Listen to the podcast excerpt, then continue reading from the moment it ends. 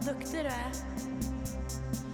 Hallå. Hej Sibyl. Hej Sara. God morgon. God morgon. Välkommen hem till mig. Tack. Eh, avsnitt fem. Ja, Vi har ju sagt då att avsnitt fem ska vara liksom recensions... Eller vad ska man säga? Vad ska man kalla det? det blir utvärdering. Utvärderingssiffran. Så att vi skulle göra fem avsnitt och sen ska vi diskutera typ hur, om vi ska gå vidare med den här podden. Mm. Då vi ska knyta de stora företagsavtalen. Vi ska in och festa på SAS eh, konkursbord och Ja, äta av smulorna från... Slicka tallrikar. Ja. Nej, men vi kan väl konstatera ändå för alla oroliga lyssnare där ute att vi kommer ju fortsätta med podden. Ja. Det känns ju givet. Och jag tror inte att det kommer bli så här, så avsnitt sex kommer bli så här, God morgon, god morgon, välkommen till eh, Sara och Sibils eh, FM Zoom. typ, Oh, just sånt. det, vi startar Zoom-radio. Du vet vad jag menar, att det ska bli så här proffsigt. typ. och så ska det ligga en sån här unsk, unsk, unsk, Ja, unsk, hela tiden, ja. under, som så här P3 Nyheter har. Ute är det regn och eh, två grader. Vi har med oss vår korrespondent från Hagsätra. Hur skulle du säga att bilköerna är här på morgonen? Ja! Eller så här, den digitala korrespondenten. Vad Ja. Har vi för digitala liveströmningar denna dag som är Mm. värt att hålla koll på? Nej men det här kommer ju, det är ett organiskt projekt det här. Önska, För oss. önska, Sibyl, hur mår du? Nej men alltså, oj oj oj. Jag konstaterar ju då lite att jag är poddens Jonathan Unge den här veckan och nästa vecka. Kanske egentligen typ alltid. Och med det menar jag att jag inte är förberedd för det har man ju fått eh, intryck av att han inte är. Alltså jag tror till och med att jag har hört honom säga det själv i en podd. Charmig men inte så kunnig. Ja, kunnig är han väl jag verkligen. Nej men eh, så här, en lovable strulare. Ja, ja men det är han ju. Ja. Men då kan jag också säga, då är du som den här poddens Liv Strömquist, för jag minns när hon gjorde sin bok, då sa Mm. hon också i En varg söker sin podd att hon inte var så förberedd. Så det här är, det här är normalt i poddvärlden.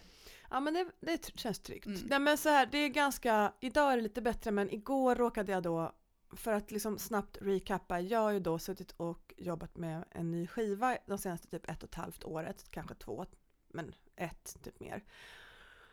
Och det är ju bara jag som jobbar på den. Alltså jag mixar den och producerar den och spelar in den och allting.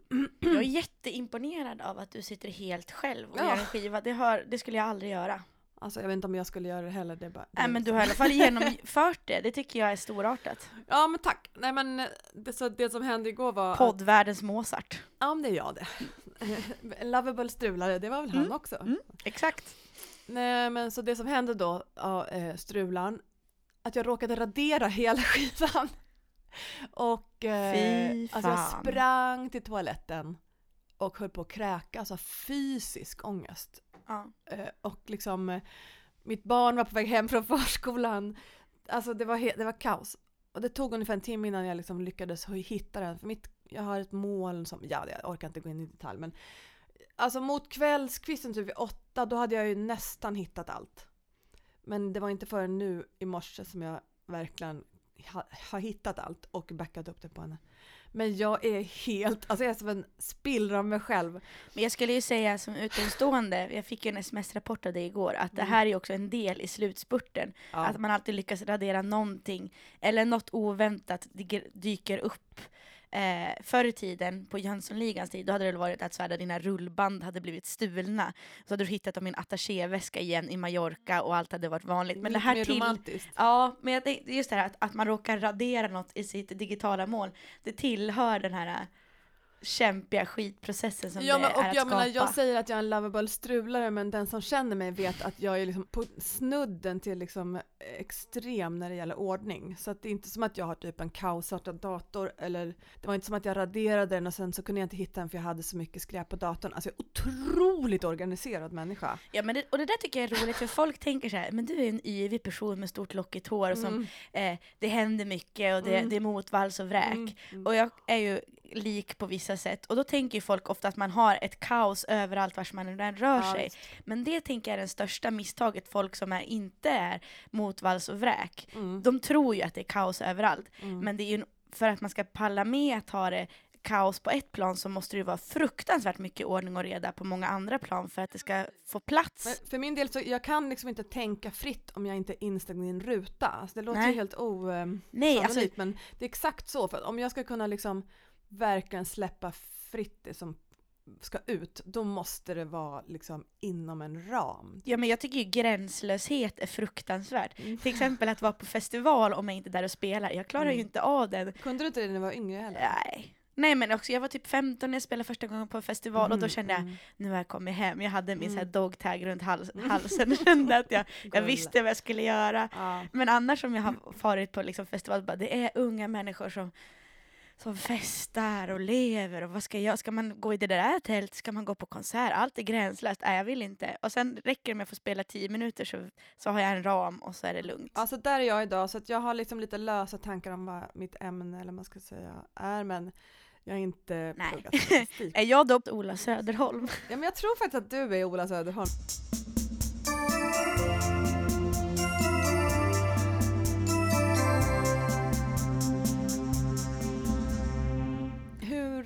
Mår du? Jag mår okej. Förra veckan var det ju solsken och chimichurri av allting. Men eh, jag tycker det är lite, lite tråkigt just nu. Det är också för att här, varje dag får man ett mail om en inställd spelning eh, i augusti till exempel. Mm. Igår så Mm. fick jag då mail om att Urkult är inställt Ja, som är jag skulle sant. spela på som faktiskt är min, min bästa festival. Det var Mm. också första festivalen jag fick spela Ja. på med den här dogtaggen. Mm. För övrigt sa jag förra veckan att Urkult ligger i Sollefteå. Alltså det det ligger i Näsåker. För där har jag varit mycket som barn. Ja, Näsåker. men det är Sollefteå Eller kommun. mycket, men jag har skämdes där. lite att jag hade sagt fel. Nej, men e- egentligen är det bra. Jag är frisk och Mm. eh, det finns väldigt mycket med den här, de här veckorna som har varit sedan krisen kom. Har bil, bor inte i innerstan. Ja, men och man har, jag har tid att läsa och skriva. Ja. Men jag börjar bli lite, lite ekonomiskt stressad om allting ställs in i somras. Men det var faktiskt bra. Jag ansökte om Musikerförbundets krisfond Mm. och fick det beviljat. Mm, grattis, gud vad bra. Ja, men jag vet inte om man ska säga grattis. Det är flera som Nej. har sagt det. Jag känner så här, det är en krisfond. Den är till för oss som arbetar som musik, som har blivit av med Jo, jobb. men om man, om man vänder på steken, ja, jag fattar vad du menar. Såklart, inte grattis på födelsedagen, grattis.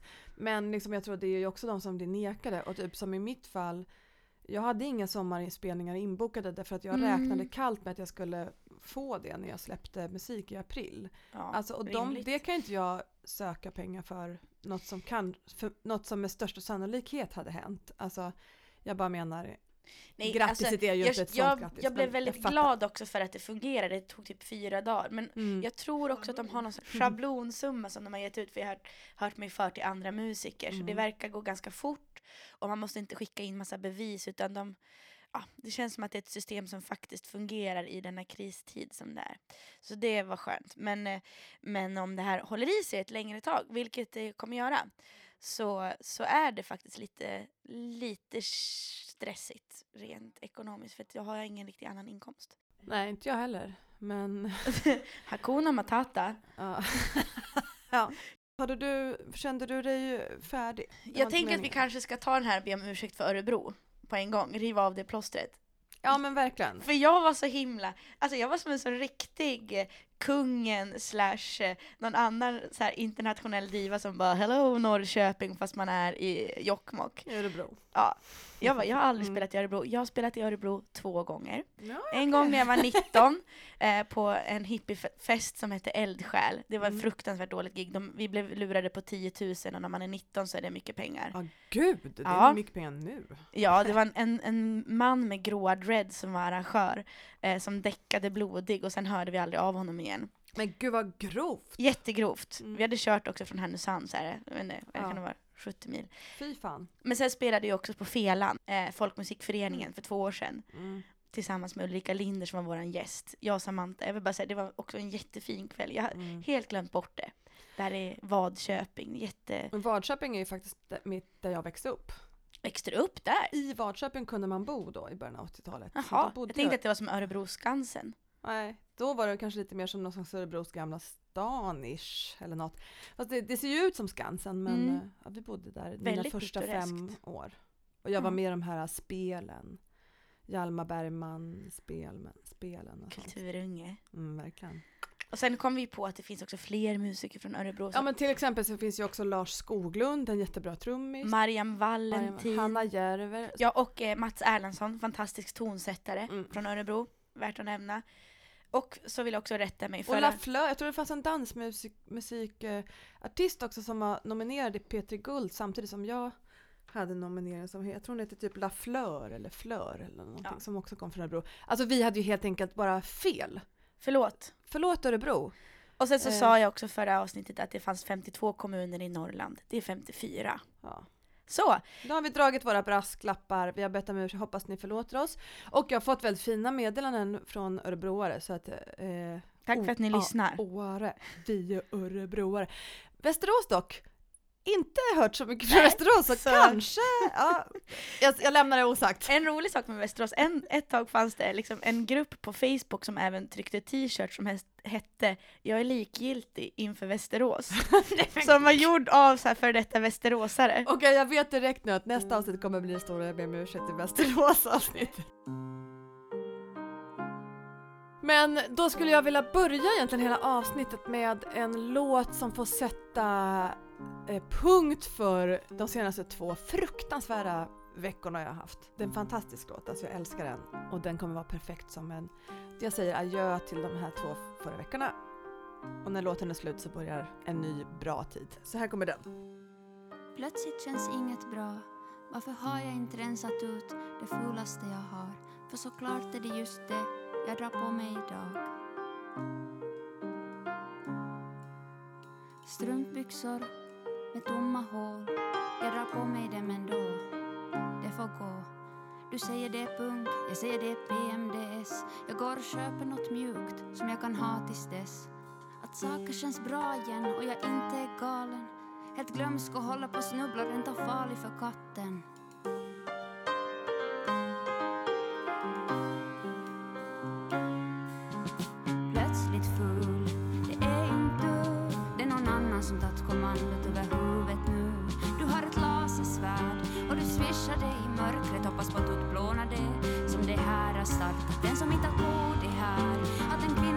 Må så här. Vem har sagt jag vill ha barn varje månad eller alls? Bara därför ska jag hamna ensam någon annanstans.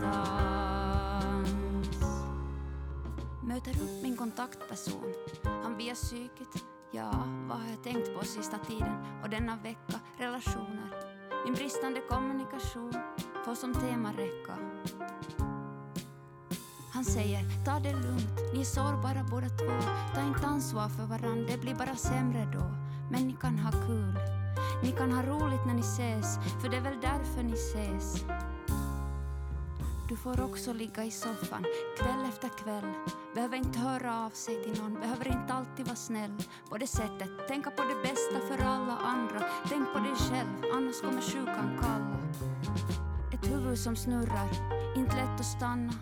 En sak du kan försöka göra är att fylla den med annat. Eller gå så långt du fysiskt orkar. Det kan bli flera timmar i skölden men rätt säkert att du sen somnar.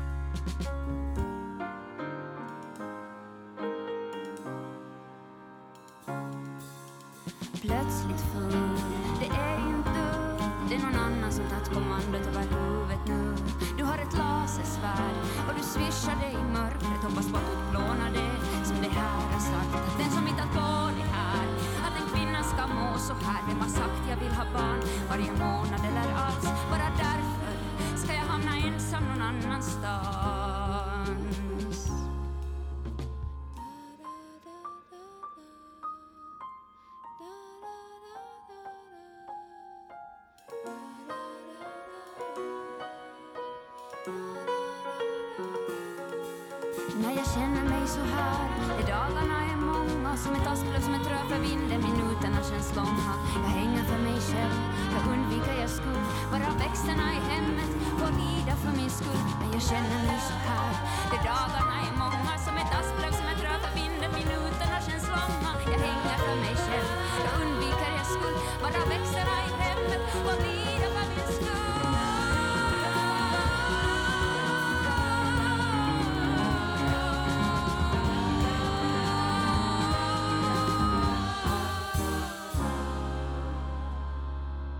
Plötsligt full Det är inte du Det är någon annan som tagit kommandot över huvudet nu Du har ett lasersvärd och du swishar dig i mörkret Ja, fy fan. Iris Viljanen. Iris Viljanen, plötsligt ful. Eh, perfekt beskrivning av hälften av alla månader i mitt liv. Sen eh, typ 17 års ålder. Trist att vara tjej. Jävligt trist. Vi tänkte att vi hade som ett litet tema för den här veckan också. Mm. Och det var frågan, vad är framgång? Mm. Du ville börja. Jag har kämpat lite med att typ vara i både poddens, i våran podds värld och i min skiva. Men i, inför släpp av musik också nu i den här tiden så har jag funderat ganska mycket över eh, hur framgång liksom känns och vad det är.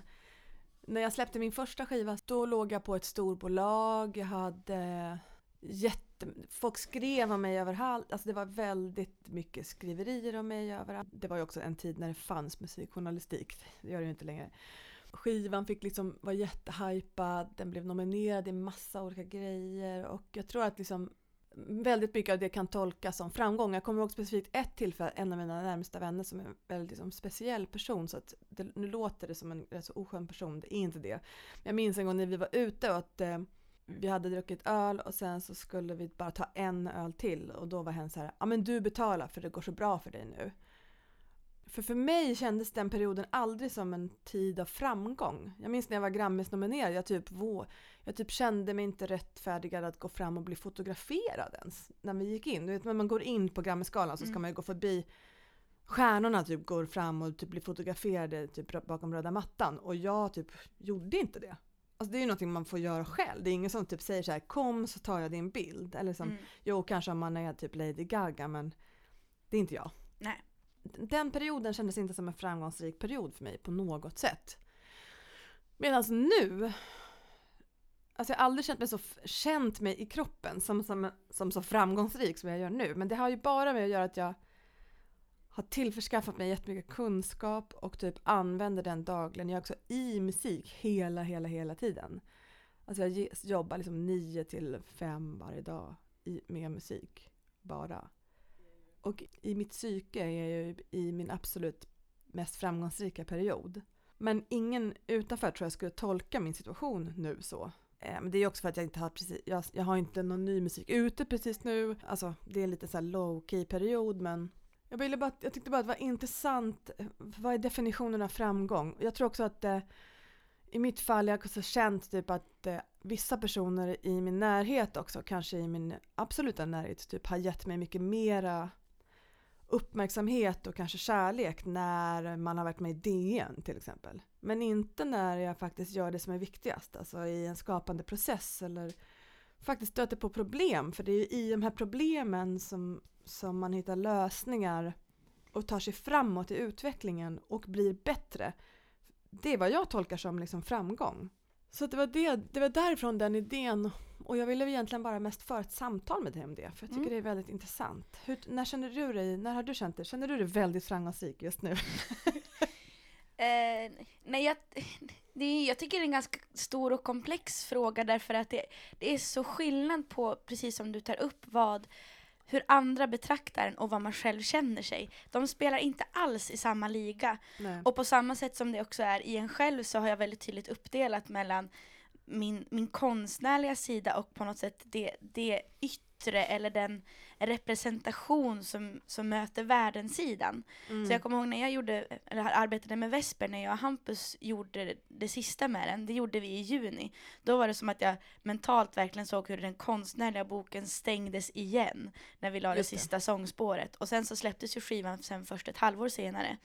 Och då, hade, då var det här halvåret däremellan var som en stor lång process att klippa navelsträngen till det jättekänsliga konstnärliga rummet för att sen förflytta sig själv och möta världen genom att berätta om det och gå in i det här mera. Hej jag heter Sara, det här är min skiva, köp den. Mm. Eller så säger man ju inte, men att vara en, en representation Nej, av man det säger inte så konstnärliga. ordagrant men man säger ju det. Ja. Och för, Alltså, det, är att, det är ett tillstånd. och för att inte typ skada och också för att skydda då det här väldigt känsliga konstnärliga rummet där man är och skapar så måste man på något sätt stänga den dörren för dit, där hör ingen pressperson eh, hemma. Eller där får inte, det är ett ganska heligt rum på ett Mm. sätt. Så då är det som att, att den bygger en, en, ja, jag byggde under ett halvårs tid en, typ av berättelse som jag skulle kunna sitta och säga i intervjuer. Oj, vad duktigt av dig. Shit. Ja, alltså inte, inte som att jag satt varje dag på min kammare och bara hur ska jag berätta? Men jag, i efterhand kan jag säga att det var det jag gjorde för Mm. att på något sätt skydda det som är mitt egna och men att samtidigt på ett ödmjukt och öppet sätt kunna prata med en omvärld om det man har gjort. Mm. Och då, de här två världarna, de är viktiga. Men, men sen när man då pratar om framgång så, alltså det, det snurrar ihop det. Mm. För jag håller ju med dig om att, att jag mår som bäst när jag får sitta på min, för mig själv och skriva, tänka, läsa, spela, skapa. Och att alla andra kommer liksom som eftersläntrare när man får priser eller blir uppmärksammad så säger alla fy fan vad kul att det går så Ja, bra för för samtidigt dig. är det ju inte oviktigt. Jag menar, jag, både du och jag är live um, junkies, alltså älskar att Mm. spela live. Jag kan bara tala för mig själv. Jag gör det för att jag älskar delvis att få gå in i den där rollen, eller vad man ska säga, men också få, få möta ett publik. Mm. Jag tycker att det är ganska intimt att spela live. Jag tycker att man får ett väldigt intimt möte med en publik som, Ja. som grupp. Man ska säga. Jag, ty- jag- får sällan så ett specifikt möte med en människa när jag en människa ur publiken. Utan man får ju en relation till publiken som en enhet. Mm. Och så att det är inte oviktigt vad folk tycker med andra ord. Alltså man, jag bryr mig ju om vad, vad det står i recensioner. Men jag bryr mig mest faktiskt om de recensionerna som är bra. Kanske konstigt nog. Alltså för att det, det är den här dukt, man får en slags klapp på axeln grejen. Jag, Mm. jag tror att jag har blivit ganska bra. Men det är också för att jag har fått otroligt mycket dåliga recensioner typ när jag var mycket, mycket yngre. Så jag lärde mig bara så här, när jag var med i olika band och sånt. Okej. Alltså. Kanske live-recensioner och sånt. Men är det inte som att det är olika delar av en själv som behöver ta plats? Alltså, när du säger nu att du känner dig väldigt framgångsrik för du får sitta 9 till 5 och skriva musik och du kan sitta i mjuka kläder och Mm. du kan bejaka att du har PMS även om det suger så, så på något sätt så kan det vara en del. Alltså det är en extremt privilegierad plats att befinna sig ja, på. och, Liksom. och då är det liksom en del av Sibyl som sitter och är i skapande process. Sen när du är klar med skivan och du ska presentera den för en omvärld, då är det en annan del av dig som som också blir glad av andra saker. Okej, nu talar jag utifrån mig själv. Men då, Mm. då går man in i en annan roll, en annan hatt, som vill ha bekräftelse på ett annat sätt. Ja, och sen precis. när man är ute och spelar live, då är det som en tredje del, där också mötet med publiken, då är det en annan typ av bekräftelse. Det, det, och då är det ett ömsesidigt möte som sker i rummet under konsertens gång.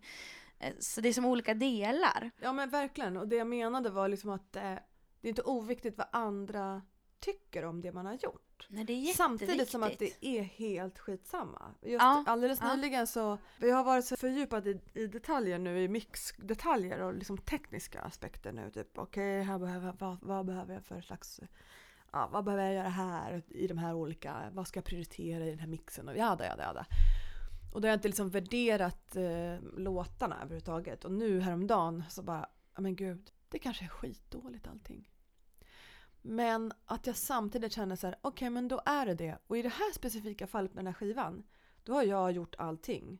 Jag står för varenda prioritering jag gjort i varenda mix. Jag står bakom varenda ljud. Och jag står bakom varenda melodi. Så att så här, även om någon skulle hata det så är jag otroligt stolt över mitt jobb. Jag har aldrig mixat en hel skiva i livet. Och jag kommer ha gjort klart det innan den här veckan är slut. Det är liksom ett monumentalt steg som jag har gjort som jag aldrig kan typ inte vara stolt över. Nej. Och då kommer det inte spela någon roll om någon hatar det. För jag Nej. kommer ändå vara nöjd över mitt jobb. Jo, men, och det där tänker jag är en sån en, en, en klok tanke. Dels så tycker jag ju att tvivel oftast är av godo. Även om det gör ont och är kämpigt så är tvivel någonting som gör att den måste gång på gång formulera varför den gör Mm. sina val, varför den tar sina beslut. Och att den också kan ha en tillit till att saker blir vad det ska bli om man gör sitt arbete. Ja. Ja, men nu, du har påbörjat en riktning med den här skivan då, och så får man på något sätt traska hela vägen Mm. ut som du har tänkt. Och sen så Mm. kanske det inte blev bluesalbumet för du har valt en annan väg och sen nästa Mm. gång får det bli det. Jag tycker så här, insikten att man ska, man ska arbeta på, man ska vara skitnoggrann, man ska göra det från Mm. grunden och det tar, det tar jättelång tid och så får det vara och sen vet man om man har lagt ner sin tid, om man har varit noggrann, man har stämt sina instrument eh, och Mm, jag är gjort om saker och ting, ja men ni, ni fattar Ja, liknelsen. Så så kan den också stå stark sen om det är någon som tycker att det inte är dåligt. Bara, ja, men, men jag har gjort mitt.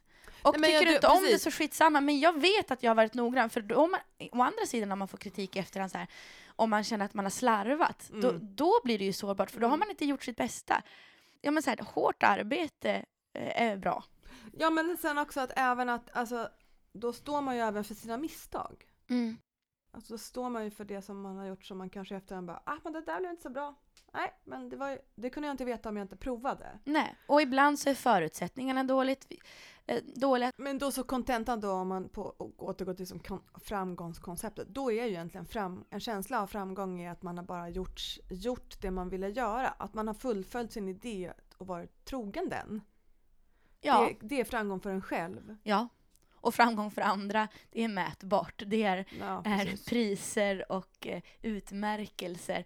Jag, jag, det har ju gått jättebra för mig det sista året Mm. på många sätt. Och, och det blir ju också, det är ju någonting som människor också gärna kommenterar Mm. och, och hör av sig, vilket är väldigt fint. Och sen vet inte jag alltid vad man ska svara mer än tack. Men, men jag, jag märker också att i den här processen som jag pratar om att stänga den konstnärliga boken och gå in i mer en representation, då är det ju som att jag har tagit distans till den skivan, den musiken jag gjort. Så det är som att jag håller den lika mycket i handen som den som tar emot den håller i handen. Jag har inte lyssnat på Vesper sen vi skickade den på press 23 september. Och ibland så tänker jag att det skulle vara lättare om, om mitt jobb hade varit att producera träskor. För då skulle jag också Mm. kunna säga, ja men det är ju jättekul verkligen med de här träskorna. Att de är så Mm. fina och sköna och folk vill verkligen använda Mm. dem. Därför att det är lättare att prata om. Men, men när människor kommer fram och pratar om om att min musik, hur de lyssnar på den så, här, så blir jag, jag blir ju jätte, jätte, jätteglad att människor lyssnar. För vad vore det att göra musik om ingen vill lyssna på det? Eller för mig vore det eh, tomt. Men, men jag, ibland tänker nog människor att jag är fortfarande inne i den här absolut heliga skapande processen. Mm. Hur märker du det tycker du? Ja men kanske ibland att vissa blir lite besvikna på reaktionen eller förväntar Aha. sig ett större möte. Att säga, oh, ja du lyssnar på min musik och så ska vi gå in och prata om det. Mhm. Men att jag mer då är, att jag håller den i handen. Mm. Men jag är också distanserad för att Mm. för jag, är, jag, jag måste också kliva åt sidan från det för annars skulle, annars skulle det bli för känsligt liksom. Ja, men det där har, man, har vi pratat om också, det här med att, typ, att folk blir besvikna på hur man är och sånt. Att man själv blir besviken på någon man förväntar sig något av. Ja. Men det tycker jag att det ska finnas rum att vara också. Alltså, jag tycker att det, liksom, när någon blir besviken, alltså, ja jag vet inte. Ja, men det blev inte så kort, långt samtal om framgång för det hade man redan på känn, man visste liksom lite grann vad det var. Ja, men jag, jag- inte, jag, tror att jag, jag tror att jag är alltid inför att när man ska släppa musik också att man, självklart finns det ju, jag, jag, nu har jag sagt flera gånger att jag inte bryr mig om vad folk tycker men det är ju inte, det är inte hela sanningen. Samtidigt som att jag inte bryr mig om det så bryr jag mig skitmycket och jag är ju, jag undrar hur, hur det skulle kännas liksom om någon hatade den här skivan, att den bara liksom fick så ettor och Det är klart att man bryr sig om hur saker och ting ska tas emot om man har arbetat med det väldigt länge. mm. Det är en del i den här i den världen Jag var till vi exempel är ganska förvånad igår att jag reagerade så pass fysiskt när jag råkade radera den. Alltså att jag, alltså jag var, jag hade kunnat kräkas om jag Men hur reagerade världen när Notre Dame höll på att bygga, brinna upp? Folk fick Alltså ju jag panik. kräktes ju inte. Nej, inte du, men Nej. den kollektiva känslan var ju en spya. Sen Ja. snackar vi där om 500 års skaparkraft och helighet. Men bara för att, för att så här, vadå, det, är, det är ett jättestort verk och om det skulle råkas raderas så är det ju ett och ett halvt års arbete som skulle varit försvunnet. Det är väl klart att man får en kräkkänsla av, av det. Ja det låter ju helt självklart när du säger det sådär Ja. men jag var ändå förvånad. Eller det, jag, jag vet inte.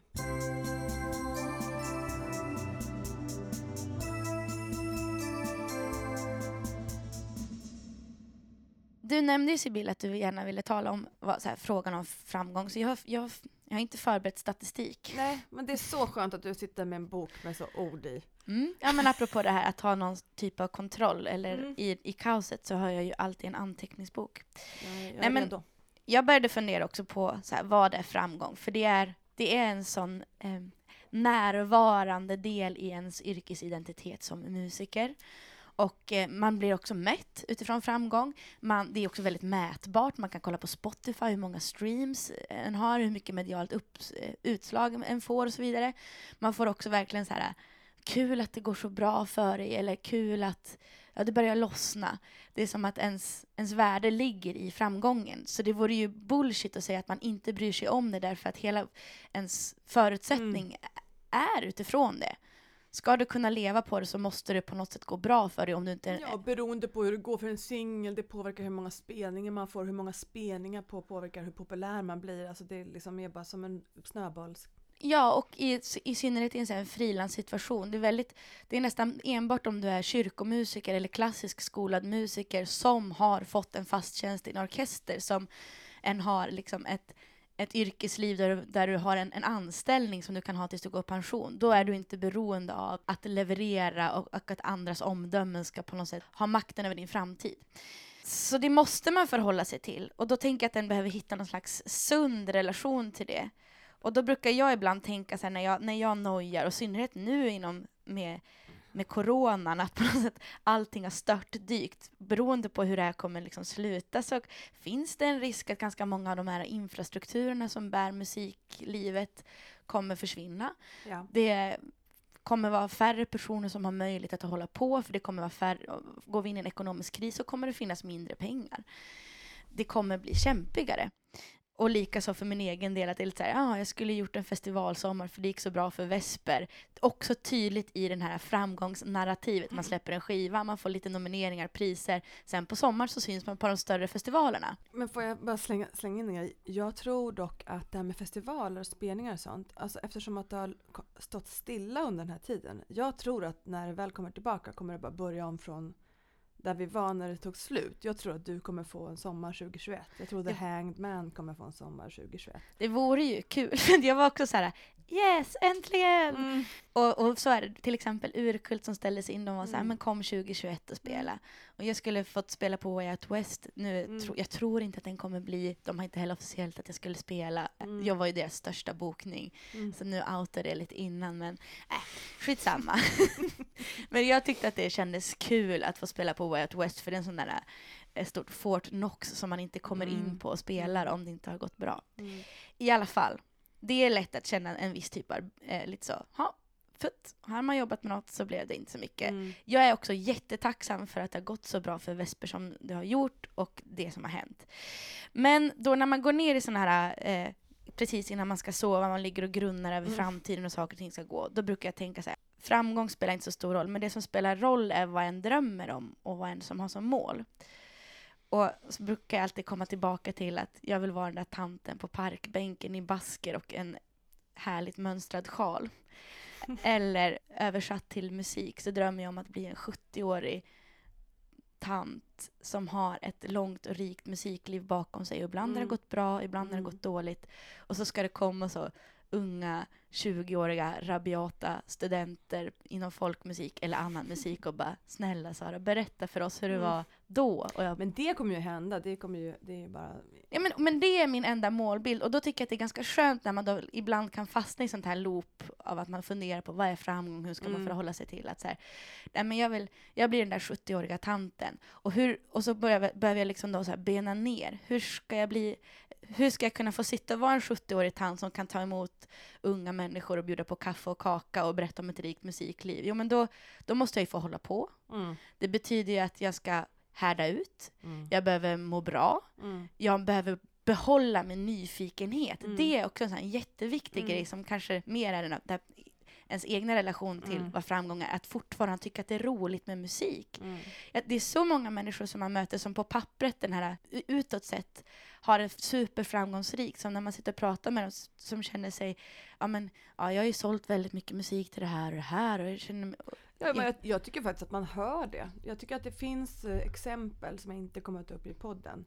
Men jag tycker att det finns exempel där man hör hur det var in, när, det, när det fanns nyfikenhet och sen när den försvann. det är jätte, jättetydligt. Alltså för lyssnaren. Ja, för lys- ja men, och jag tror att det, det är en sån himla vanlig grej också Mm. som är mer riskabelt om man är en ung person som är jättebegåvad och snabbt blir uppplockad och gör en Mm. snabb karriär. Mm.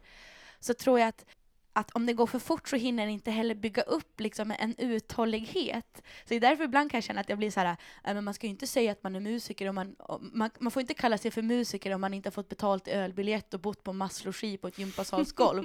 alltså det är klart att jag önskar och Åh, tycker att flashbacks. Ja men det är ju det! Jag, jag önskar ju att alla ska få rimligt betalt, men det är någonting med att så här, ja men om man har kämpat ganska länge och hållit Mm. på, därför att man har inte gjort det för att det är framgång och guld och glitter och glamour, utan för att man typ älskar att spela med sitt band, Mm. då är det det som är drivkraften och, och jobbar man upp en god kondition i det, då tror jag att den också gör att man har lite längre tålamod och inte bli, liksom tappa den här nyfikenheten. Nej. Här kan du få säga emot, jag kanske är självgod. Nej, men jag vet inte. Jag hoppas att du har rätt för att jag är ju, hör ju till den senare kategorin, om man säger den som har legat på de, där golven. Jag ja. hoppas att du har rätt. Jag, kan, jag vet inte om jag har en åsikt. Jag måste tänka på det lite mer tror jag. ja. Men jag kan fortsätta min, menar- ja, min den här liksom, eh, eh, det är som att jag gör så här, målbilden och sen backar tillbaka till hur man ska leva sitt liv. Mm. Klassisk så, eh, coach från Arbetsförmedlingen. Alltså det tror jag att alla är i behov av en coach just nu så du får gärna coacha loss. Ja, Man får men väl plocka russinen ur kakan. Ja, ja jag. men 70-årig tant som har gjort ett, ett rikt musikaliskt liv. Kan du inte spå min framtid sen också? Säga vad min framtidsbild är? Men du kommer ju också sitta som en 70-årig tant med stort grått lockigt hår. Och så kommer du sitta och vara lite jag tror berusad jag ska på börja rödvin. röka då. Ja, Faktiskt, ska du. Helt ärligt. Jag Bara vill för ju, att det är så snyggt i till den bilden. Ja förlåt. ja, men jag, jag har ju köpt, köpt ju gardiner förra veckan på Tradera som jag tänker, det här ska sitta i mitt bibliotek. jag skrev ner den här målbild. Jag vill vara som en blandning av Merit Hemmingsson, Susanne Osten och en tokig forskargubbe med stort russigt grått hår och ett rörigt kontor och vackra kläder och ett bibliotek med vackra gardiner. Mm, och nu har du redan införskaffat gardiner alltså? Ja, precis. Ett par jobbsgardiner, handtryck från Leksand. Du förstår. Eh, Ja, det låter underbart. Vi ses där. Eh. Vi kan korka upp vinet redan nu. det, det, kommer, det kommer nog vara ganska kämpigt den närmsta tiden Mm. faktiskt, för att den här krisen kommer sätta sina spår, i synnerhet i kulturlivet. Mm. Och jag kommer inte kunna spontant köpa dyra gardiner på Tradera i framtiden. Men jag, i höstas så fick jag äran att komma och vara lite gästlärare i kursen, vad hette den? Det var typ någonting med musik och entreprenörskap på eh, Musikhögskolan där jag har Mhm. gått här i Stockholm. Det första jag sa Din favoritkurs? Mm. Jag, det första jag sa så sa kaxig rebell, gästlärare, hallå det går inte att vara folkmusiker och entreprenör. Du var den från den där Poets eh, Society, den som river böckerna och ställer sig på Ja precis. bänkarna och säger så här Captain my Captain. Ja men lite så, lite mer neurotisk var jag väl också Mm. I och typ it. pratade lite för fort och sådär. Det gör vi hela tiden. men det jag pratade då med de här äh, kära studenterna på KMH, alltså Kungliga Musikhögskolan för er som inte kan er förkortningslingua, det är att hur det handlar ju egentligen om så här, hur gör man för att bli den här 70-åriga grååriga tanten? Jo, då måste man ju härda ut, man måste hålla ut. Och det handlar ju om att, att hitta en, en, en på, på olika plan en riktning. Och då stolpade jag upp det i tre ben. Som jag tänker, så här, det är de här som handlade precis det vi sa tidigare, att man är olika delar av sig själv i olika delar av processen med ett album. Och jag kallar de här tre benen för show, hantverk och resiliens Mhm. min trestegsmetod för att kunna bli en 70-årig kulturtant. Och show handlar ju egentligen om att så här, konsten måste få leva. Att fortsätta vara nyfiken, att vara intresserad, fortsätta lyssna på ny musik. Där har vi pratat om tidigare, att vissa tenderar att lyssna bara på musik som man tyckte om när man var ung. Att utsätta sig... menar som Petson och... Ja, Findus! ja, exakt. Förlåt att jag ret. Nej, men det är sant. Det var ett kärleksfullt ret. Det var ett kärleksfullt ret. Ja, nej alltså Petson är min största idol. Ja. Jo men när Petson, när Findus var liten och försvann, det skulle jag säga är min största. Hjälp, jag såg en gädda!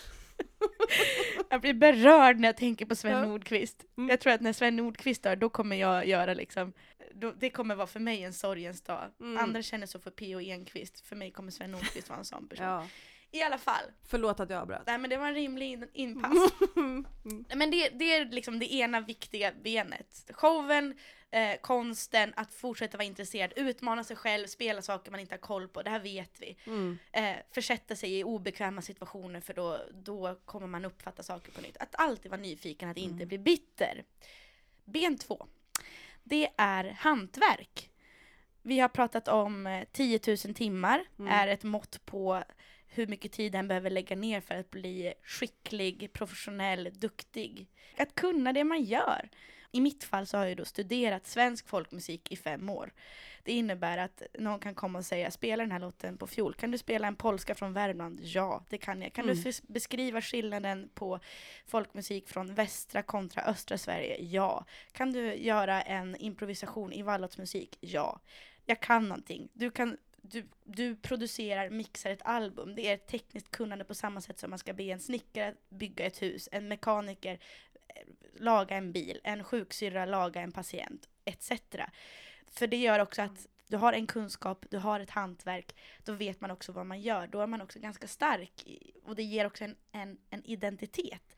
Sen är det viktigt att poängtera så här, vad, vad är kunskap? Det finns massa olika internet. Jag har den här klassiska godkända statens stämpeln i pannan samt Mm. 200 000 i CSN-lån. Du har, är, ehm, har lärt dig själv. Du, vad, vad Mm. heter ordet? Autodidakt. autodidakt. Det innebär inte att jag är sämre eller bättre, men vi har bara gått olika vägar. Så Mm. man måste också vara eh, ödmjuk inför vad kunskap Ja, kan och jag vara. tror att det finns ju vissa, jag har vänner som har ju gått just KMH. Som är skitdåliga. Nej, som är skitbra men som tycker att de, eh, som tycker att eh, det inte var så bra att gå där. Som hellre hade velat gå någon slags autodidaktväg Mm. därför att de känner sig ganska begränsade av alla de här reglerna kring vad som är rätt och fel och sånt. Jag känner Ja. mig väldigt fri i det. Att Ja, jag alltså- är så befriad från regler men det kan ju också vara begränsande så det är ju alltid någon slags balansgång. Ja, musikhögskolan har verkligen sina för och nackdelar. Det, Verkligen. det, är en, det var ju jättejobbigt att gå där, Mm. tyckte jag. Och såklart, återigen ett jätteprivilegium. Jag gick i folkmusikinstitutionen som jag upplevde var en av de bättre institutionerna på skolan. Mm. För mig var musikhögskolan jättebra. Mm. Och eh, det var också en tid där jag lärde känna de som har blivit mina närmsta musikaliska vänner. Mm. Därför att jag och, och en som heter Maria Horn, när jag gick mitt första år så tyckte vi också att det var så här en riktigt ofeministisk skola. Så vi startade en feministisk grupp, det här har jag nämnt tidigare. Mm. Och eh, genom den gruppen så, så lärde jag känna folk från andra institutioner och vi, vi höll på och spelade jättemycket tillsammans och höll på och liksom labbade med vad feministisk eller queer musik kunde vara. Så vi, hade som våran, vi gjorde som vår egna skola i skolan. Och på det sättet så blev det som att jag fick både det- bästa från så här, lärarna på institutionen som satt med oändligt mycket kunskap men också att vi gjorde vår egna skola. Mm. Så jag fick med mig ett hantverk. Mm. Och folkmusiktraditionen är också väldigt knuten till en hantverkstradition. Man är en hantverkare. Man förväntas kunna vissa saker. Mm. Och det är också bra. Man ska inte tappa det, för det finns en, en trygghet i det. B nummer tre kallar jag för resiliens. Det handlar om att eh, man måste också hitta en typ av eh, ekonomi i det man gör. Resiliens handlar om att man ska vara oberoende och kunna leva. Man ska kunna ta hand om sig själv. Oavsett vad som händer så ska man kunna betala sin hyra och sin mat.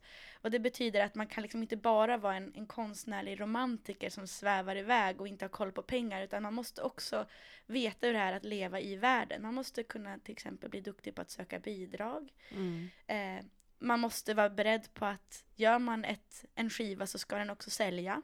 Eh, hur har man, vad har man för plan för att nå ut med den? Ska man göra intervjuer? Hur ska man få spridning? Och i det finns ju också att man måste kunna klara av att eh, bemöta motgångar. Ja, så att resilienten handlar ju om att ha en, en ekonomisk marknadstänk för att det är så våran värld är uppbyggd. Även om man tycker att kapitalism är Guds eh, sämsta uppfinning eller är djävulens påfund så Mm.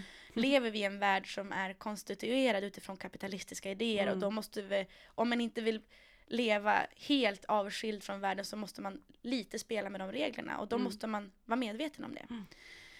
Så de här tre benen tycker jag är på något sätt hur en härdar ut att bli, till att bli den här gråhåriga 70-åriga tanten. Kan du säga dem bara en gång till alla tre på rad? Show, hantverk och resiliens. Mm. Så bejaka konsten, bejaka hantverket och vara en del av världen. Mm. Åh, vilka bra tips. Jag, har, jag kan också bara som lägga till till den här resiliensen så, så tog jag också upp för de här studenterna på Musikhögskolan hur viktigt det är att organisera sig. För, för mig handlar det också om resiliens att bygga hållbara nätverk och sammanhang. Mm. Att man till exempel som musiker så förväntas man ha sin egen firma. Men man kan lika gärna organisera sig som en ekonomisk förening med andra så man kan dela på olika ekonomiska risker. Man kan utbilda sig i grupp, man kan gå ihop och ha en gemensam lokal. Alltså det finns, man måste inte alltid vara själv. Och Ja, och där skulle ju min eh, sida av branschen typ behöva lära sig lite bättre tycker jag med samarbeten och kollektivt tänkande och liksom Ja men att organisera sig sådär, för det, se, det ser jag utifrån att ni gör mycket bättre. Men det är inte så himla vanligt att, tycker jag generellt, att musikbranschen organiserar sig kollektivt. Nej. Alltså det är, Varför tror du just folkmusik? Är det just folk... Det här är ju... Alltså jag Nej, är, jag tycker inte att det är folkmusik. Jag tror att det är jag tror att det är några av oss som gör det som har kommit kanske från en mer en aktivistisk Mm. eh, värld, Mm. en feministisk värld, en Mm. queer-scen där man har Mm. det här kollektivistiska. Eller att man också i scenkonsten är bättre på kollektiva, för där har man ju frigrupper. Jag tror verkligen det. Jag minns, eller jag spelat en gång på Teaterförbundet. Eh, Jag tycker Teaterförbundet generellt är, verkar vara ett sånt otroligt underbart eh, fack. och de verkar så samspelta och organiserade och bra. Liksom. Det, det finns ju säkert andra röster där ute, andra perspektiv. Men då i relation till Musikförbundet, jag kritiserar inte direkt Musikförbundet, jag bara menar att det är inte så det, det är inte så många som är med i det tror jag. Eh, eller jag vet inte hur många som är med i Musikförbundet. Nej, men Teaterförbundet är generellt sett mycket starkare om man Ja. jämför med deras relation till branschen. De har mycket Ja. bättre avtal. Och de är väldigt aktiva, de är där ute, de gör massa olika Ja. saker. Man ser ju Simon Norton hela tiden tycker jag, Ja. uttala sig och skriva saker. Så jag vet inte ens vad ordförandet för Musikförbundet heter. Han har långt hår. Nej men liksom, Vet och jag. jag. jag vet att eh, när man pratar om just Musikerförbundet med andra så är det många som säger den här klassiska sägningen Ja, men vad kan Musikerförbundet göra för mig? Och mitt svar är alltid så här, men ingenting om inte du är med. Nej. En förening, ett fa- en fackförening jobbar för sina medlemmar. Om ingen är med, då kommer inte... Det är klart att ingen jobbar för typ indie-musikerna. Det är inga indie-musiker med. Nej, och Teaterförbundet är organiserat så att typ varenda skrå inom teatern, ljussättare, ljudtekniker, kostymörer, maskörer, Ja. de har sina egna liksom Under. underorganisationer. Ja, och jag spelade på den när de lanserade en underorganisation för F-skattsedelmedlemmar. Mm. Så att det verkar liksom, de verkar liksom ha fingret i luften på ett jävligt... Teaterförbundet, om ni lyssnar, får jag gå med? Du kan gå med som eh, eh, ljuddesigner. Tyvärr är Mm. inte Teaterförbundet jättebra för, alltså musiker har inte så mycket att hämta i Teaterförbundet. Nej men också Ja. obs, jag är också med i, i Musikerförbundet Ja. idag så att Men jag, jag tror att jag kan ju engagera mig mer där, det är bara slapphet från mitt håll men det är väl också för att det är svårt att sätta igång någonting när det inte är så många som hakar på. Jag tycker generellt sett när jag typ, jag är ganska engagerad i Hyresgästföreningen eh, och i hyresrättsfrågor och med, med grannar och sånt där och jag tycker att det är, generellt sett är det ju svårt att få folk att haka på. Mm. Och jag, där tror jag att teatern har ett större arv av engagemang. Man tänker så här, mycket av frigrupper och länsteatrarna runt om i Sverige, de kom ju till från 60-70-talets gröna vågen-våg och den här liksom, ja men den politiska 68-vänstern är ju en grund till det, det, det många av de teatrar vi har idag. Där har vi, motsvarigheten i musiken är ju proggrörelsen, men det var som att någonting hände och det bara föll samman. Alltså det finns massa nostalgiska böcker och vissa proggband som fortfarande spelar, men de, det var inte som att proggmusiker eh, stannade kvar i i Hudiksvall och etablerade en länsmusik Nej men sen nu slog det mig en sak också medan vi pratar om det här lite, någonting som vi, ett ämne som vi berört tidigare också, det här med att sälja, sälja drömmen och det, när man arbetar kanske som skådespelare, då finns det ju utrymme, alltså då tolkar man ju olika saker på scen. Mm. Det är ju kanske inte kopplat direkt till ens personliga varumärke, alltså. Marika Lagercrantz kan ju spela alla olika sorters saker och då Ja. kanske inte gör någonting att hon också sitter med i klys. Just alltså det. just det här med att eh, Men om man är rockstjärna så ska man då ska sälja... man för fan inte sitta och hålla på och prata om Musikerförbundet i en podd. Nej, då ska man, man ska vara men- självförbrännande, knarkande Nej, person men och då det här med man att man säljer drömmen och då, Ja, då finns inte utrymme för det. Man läser ju ganska ofta när typ musiker uttalar sig politiskt eller när kulturpersonligheter gör det men jag tycker mer att jag ser det när musiker eller artister gör det att såhär du ska inte hålla på med politik, du ska säga gör din grej. Men det är väl då för att så här, en, en eh, musiker ska sälja drömmen om någonting, ofta som ett ganska självförbrännande liv, även om det handlar om ett inre mörker eller ett yttre mörker.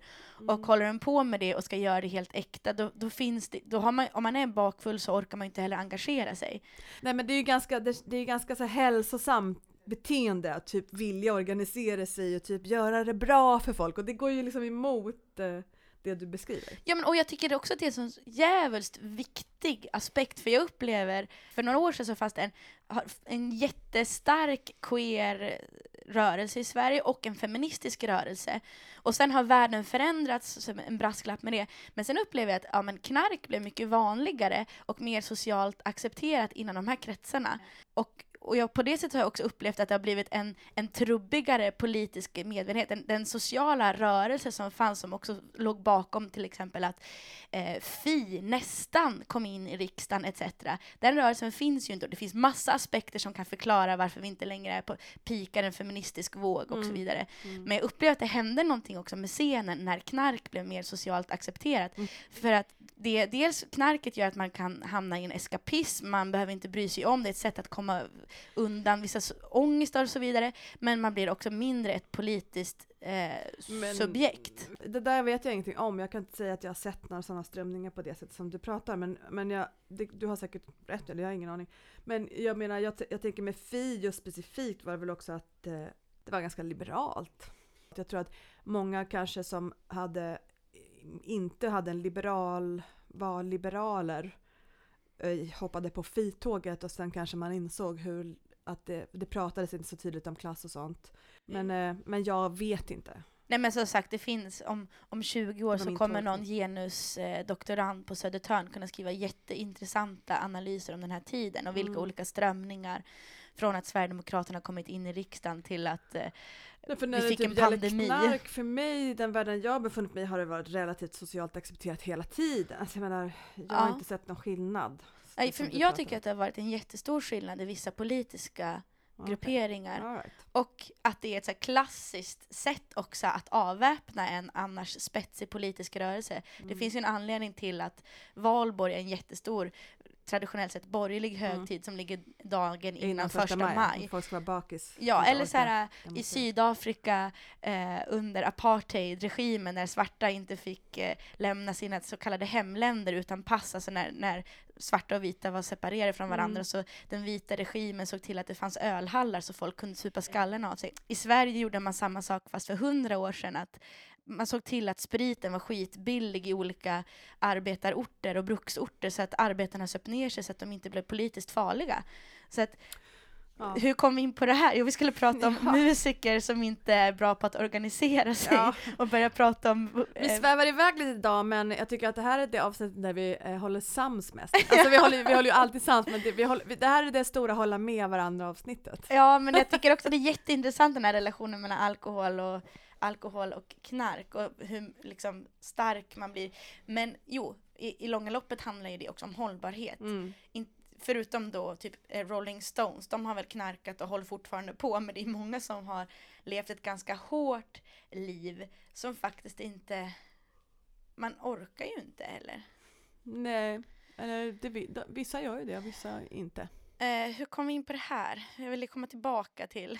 Jo, vi pratade om vikten av kollektivet och att organisera Mm. sig och att musikvärlden generellt sett är ganska dålig på det. Men det är ju för att musikscenen är ganska individualistisk i relation till så här artister och för att framgången hela tiden definierar våran värld så mycket. Ja, och sälja drömmen som vi återkommer till hela tiden. Jag hade skrivit som en fråga så här, men avundsjuka är ju också en, en, en stark känsla som lätt kommer upp när man pratar om framgång. Mm, Eh, verkligen.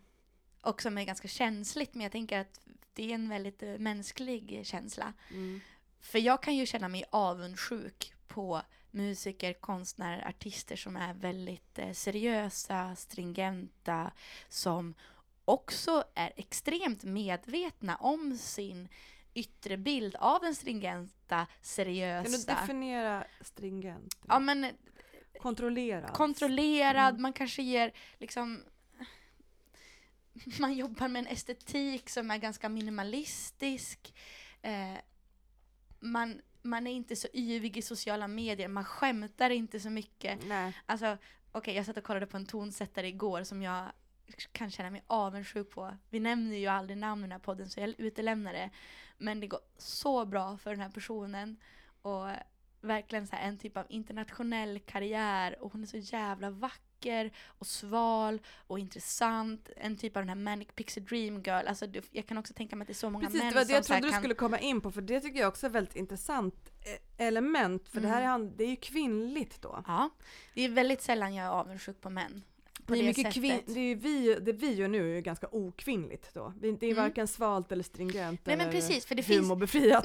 men det är, Men det det är ju mycket roligare! det men det är exakt det det är, för då kommer vi också in på så här, vad finns det för utrymme för olika kvinnliga musiker och artister att ta plats på? Jo men då finns det, ja men man har den här, den, den svala, Mm. eh, skitseriösa, smala musiker. Ja, även fysiskt smal ja. Ja. Absolut. Eh, och sen så kan det vara liksom popstjärnan, men om man ska vara liksom, man, är också fysiskt smal och sval. ja, ja men den här svalheten och, och sen kan man, man kan vara superemotionell. Ehm, men det, det, det, är liksom, det är så jävla snäva ramar, man kan inte vara vräkig och sexig på samma gång. Man kan som inte vara... Eh, Men det tycker jag, det här är en lite tråkig sägning. Men det tycker jag Sverige är extra dålig på. Om ja. man tittar typ internationellt, typ, typ artister ändå, att det, vad som finns för art- artister. Jag säger inte att det är mer jämlikt någon annanstans.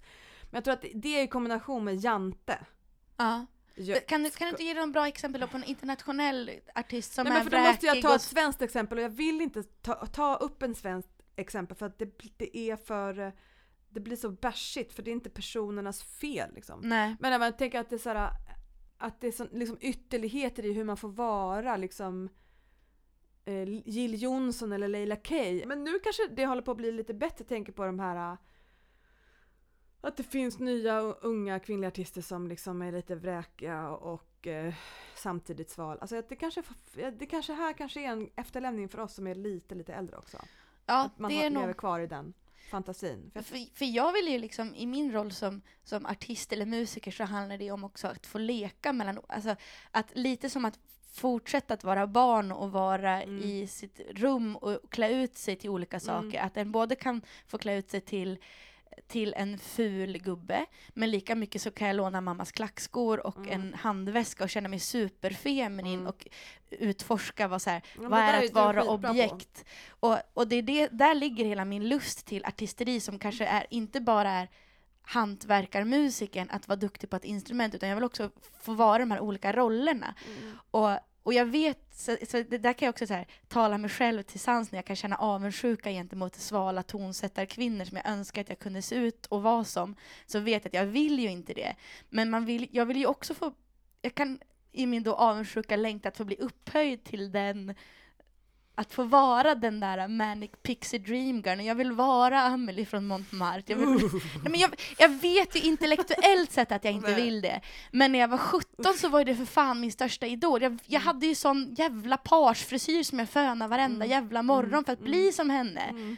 Och så kunde jag inte det, för jag råkade ju spilla ut mjölk samtidigt. Och jag gjorde inte det charmigt, utan bara Nej. vräkigt. Mm. Liksom. Mm. Kläderna blev fläckiga. Ja, och jag liksom fick, de här gräsfläckarna på de vita byxorna går ju inte att tvätta bort när man har liksom varit lite charmig i en slänt i en stadspark. Nej. Det är liksom, det blir, man går liksom över gränsen till att inte vara så charmig utan mer bara bökig. Ja, men jag tror att det, fi- det finns mer plats för bökiga nu. Ja, Jag tror det, jag tror. Jag tror faktiskt det. jag hoppas också det.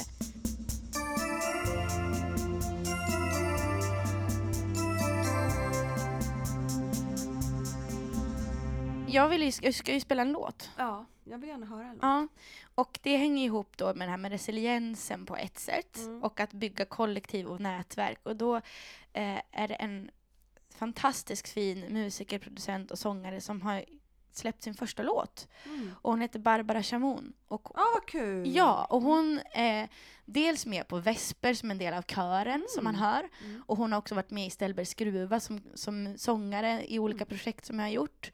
Och varit sån här extremt fin person i ens yttre cirkel som har peppat och alltid Mm. ställt upp och sjungit när jag bett henne att komma och göra det. Och nu har hon släppt en låt som jag tyckte var så fin. Mm. Och hon är också en av de som driver Oda Studios. Ja, men precis. Som är ett separatistiskt studiokollektiv. Som också verkligen är ett så, en, en organisering. Ja, men jag har hört av mig dit faktiskt och frågat om det fanns studiorum och sånt. Mm, de är många bra personer, Stellan Ösan och så vidare.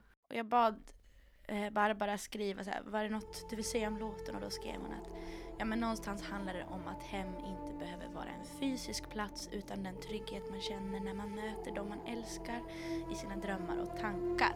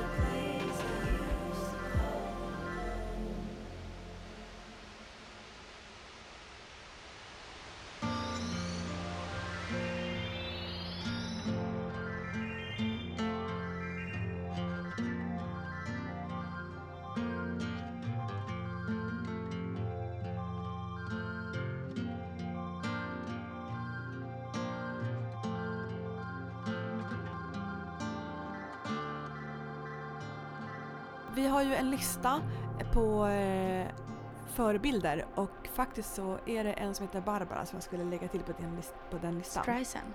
Nej, det är en fransk eh, sångare, sångare som heter Barbara. Men jag kan, jag kan göra så att jag... Heter hon eh, bara Barbara? Nej, hon, heter, hon kallar sig själv för Barbara men hon, men hon heter Monique Cerf. Mhm. Eh, och hon, hon är en Paris, parisisk Mhm. eh, sångerska med ett helt otroligt uttryck och när jag var litet barn, alltså det, jag tror att det är en av den musiken som har påverkat mig mest liksom sen barns ben. Mm.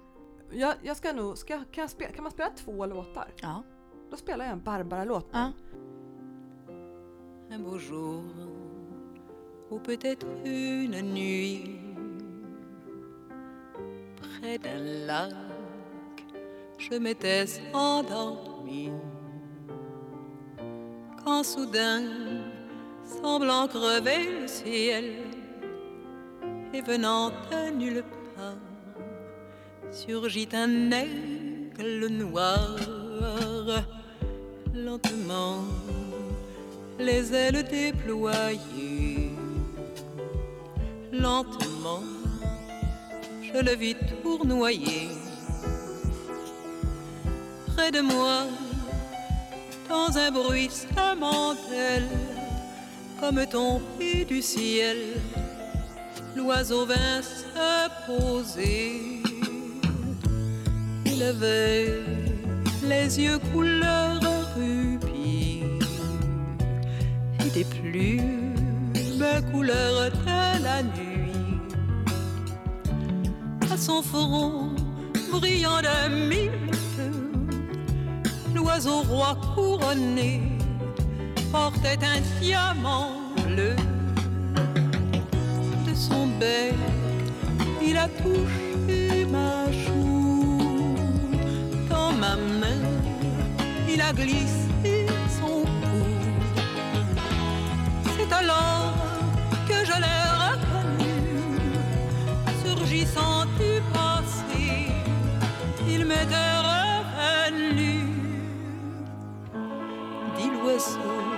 on dit emmène-moi, retournons au pays d'autrefois. Comme avant, dans mes rêves d'enfant, pour cueillir en tremblant des étoiles, des étoiles, comme avant, dans mes rêves d'enfant, comme avant,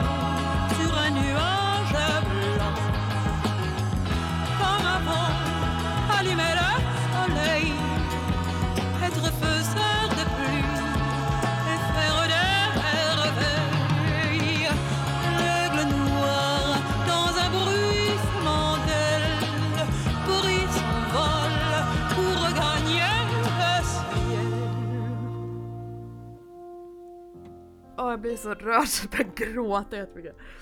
Ja, nej men jag kan inte berätta mer om Barbara idag för att jag blev lite för rörd. Ja, det blev fint. Jag ville bara säga klart det här om avundsjuka. Mm. Jag tror att det finns eh, dålig och bra avundsjuka. Ja. När den riktar sig mot andra så blir det destruktivt. Men när det är som ett, en liten hallå till en själv, då kan det vara ganska bra. Så här, varför känner jag mig avundsjuk? Jo, det handlar ju om mig själv. Min, min vän Olle typ sa så här, men hallå, var det när du erkände att du var avundsjuk på Anna von Hauswolf som du vågar börja ta dig själv på allvar? Jag bara, nej. Eller jo, kanske. Moder är som vågar säga det här i podden ändå. Ja men jag har varit, hon är en sån person jag har varit avundsjuk Mm. på för jag tycker hon gör så fantastisk musik och är också superseriös och cool och en stor konstnär. Så känner jag varför får inte jag vara sån? Och sen så tror jag att någonstans bara, men jag kan väl, jag kan väl visst få vara seriös och göra stor svår konst och så får jag försöka vara rolig och härlig och vräkig på samma gång. Men, men där blev det, i den, att erkänna den avundsjukan så var jag tvungen att förstå saker om mig själv som jag kanske längtade efter. Mm. Och då Mm. tror jag att kanske avundsjuka är bra, för den finns ju där. Om man, om man undantränger den så blir det alltid bara skit av det, Mm. som min psykolog skulle säga. Det stämmer ju. Men sen så finns det ju också en plats man kan hamna när man ger sig in i den här avundsjukan som handlar om eh, en entitlement, alltså att man känner så här, jag förtjänar det där mer. Och att man då kan hamna på en liksom bitter plats där man, miss, Mm. där man missunnar andra. Och det tycker inte jag är en så Det är- kreativ plats att Det är ocharmigt och väldigt osexigt. Ja, och eh, elakt. Ja, och röva. Men Jag- hörni, eh, nu måste vi faktiskt sätta ett lock på det här poddavsnittet. Ja, det Förlåt måste att jag vi. bara bröt av. Men vi har eh, startat en Patreon. Och det är under någon slags utveckling. Vi ska diskutera då efter det här femte avsnittet hur vi ska, vi vill ha ett slags belöningssystem, eller hur? Ja, Men gärna att då alla får ta del av belöningen. Så att, eh, för alla har inte råd att vara Patreon. nej. att vi ska köra ett, ett gott Robin Hood-system. Ni som har råd att betala gör det, och ni som inte har det får ta del av det ändå. Ja, jag vet inte exakt hur det kommer att se ut men Patreonen är startad och ni får jättegärna eh, bli Patreons till oss. Ehm, så att, eh, och till en början kommer ju alla de pengarna gå till att betala de här licenserna så att eh, upphovsrättspersonerna som vi spelar i podden ska få betalt för att vi spelar musiken i podden. Så att vi har en STIM-licens, vi, ska, vi vill gärna skaffa den här IFPI-licensen som är, sträcker sig då, det är masterägarna så, så att de också får betalt. Eh, I dagsläget så frågar vi om lov, det är därför vi ändå spelar låtar. Men ja, Ja. ni fattar. Så, att, och det, så att det, är väl det som, eh, så att vi slipper i alla fall betala för att göra podden. Så vi kan, vår först, det är där vi börjar, att vi vill gärna slippa betala för att göra podden. Det skulle vara kul sen att kanske kunna eh, köpa en bättre mick, ett stativ. Ja, men ni fattar, vi behöver inte dra ut på det här så mycket längre. Så hitta oss på Patreon, det är ju kul att, det är du som har startat den. Så Den bara- heter Kul att du håller på. Ja, kul att du håller på. Bli gärna Patreons. Vi kan väl, eh, vi får se inför nästa avsnitt då, eh, om vi har fått några Patreons. Då kanske vi typ ger er hälsningar eller någonting. Jag vet vi hittar på något. Och ja, precis, Puss och kram, vi älskar er. Tack för att ni lyssnar. tack för att du lyssnar. Hej då!